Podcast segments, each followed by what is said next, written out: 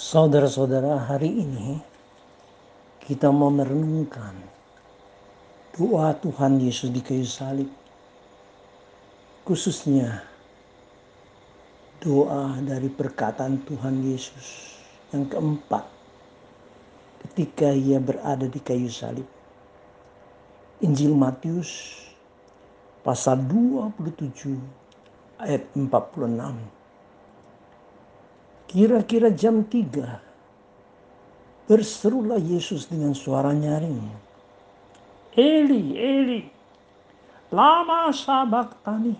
Artinya, Allahku, Allahku, mengapa engkau meninggalkan aku? Doa Tuhan Yesus ini mengajarkan kita harus ada sebuah doa yang lebih mendalam Seringkali doa kita asal-asalan. Seringkali doa kita hanya sangat dangkal. Sekalipun kita kadang-kadang berdoa mengutip ayat. Tapi kita meng, tidak menghayati. Tidak mendalami. Memang Tuhan Yesus ketika dia berdoa ini. Dia mengutip ayatnya yang di Mazmur pasal 22 ayat 2 tapi ayat ini ketika dia mengutip, dia sedang menghayati Mazmur 22 ini. Pada waktu itu, saudaraku yang kasih, ada undian terhadap bajunya. Inilah juga tercatat di dalam Mazmur 22.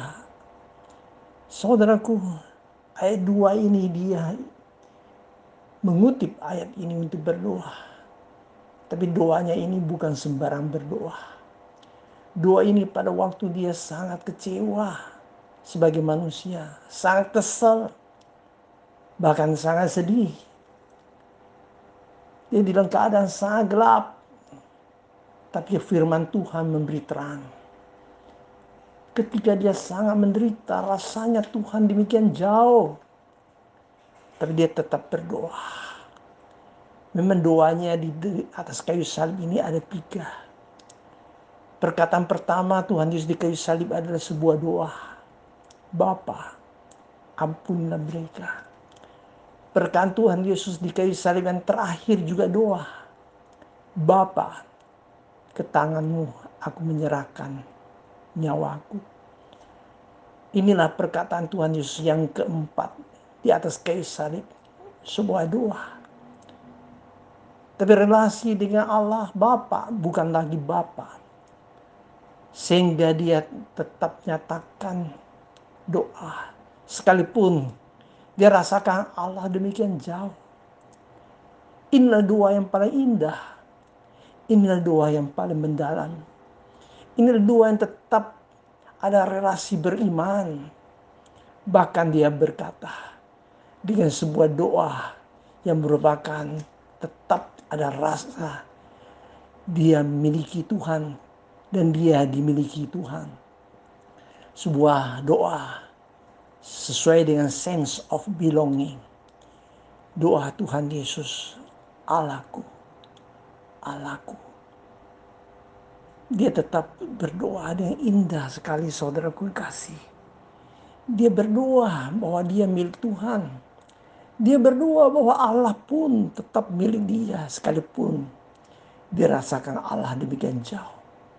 Doa yang benar, doa yang dalam, tidak ikuti perasaan, tapi beriman pada Tuhan.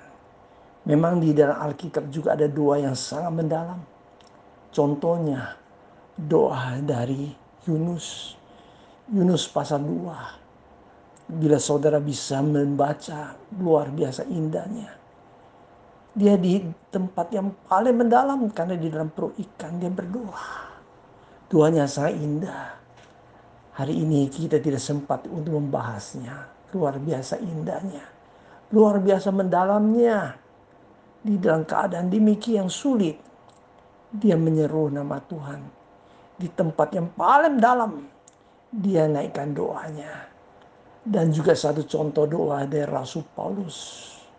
Saya mengatakan bahwa dia suatu kali di dalam keadaan dia terus mau berdoa, bukan terus berdoa.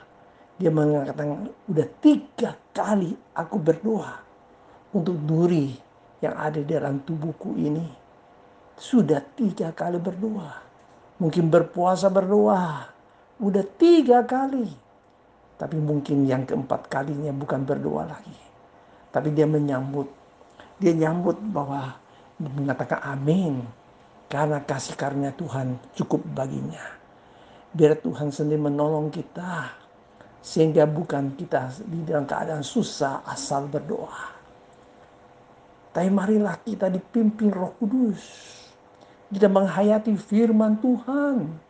Sehingga kita bisa belajar seperti Tuhan Yesus.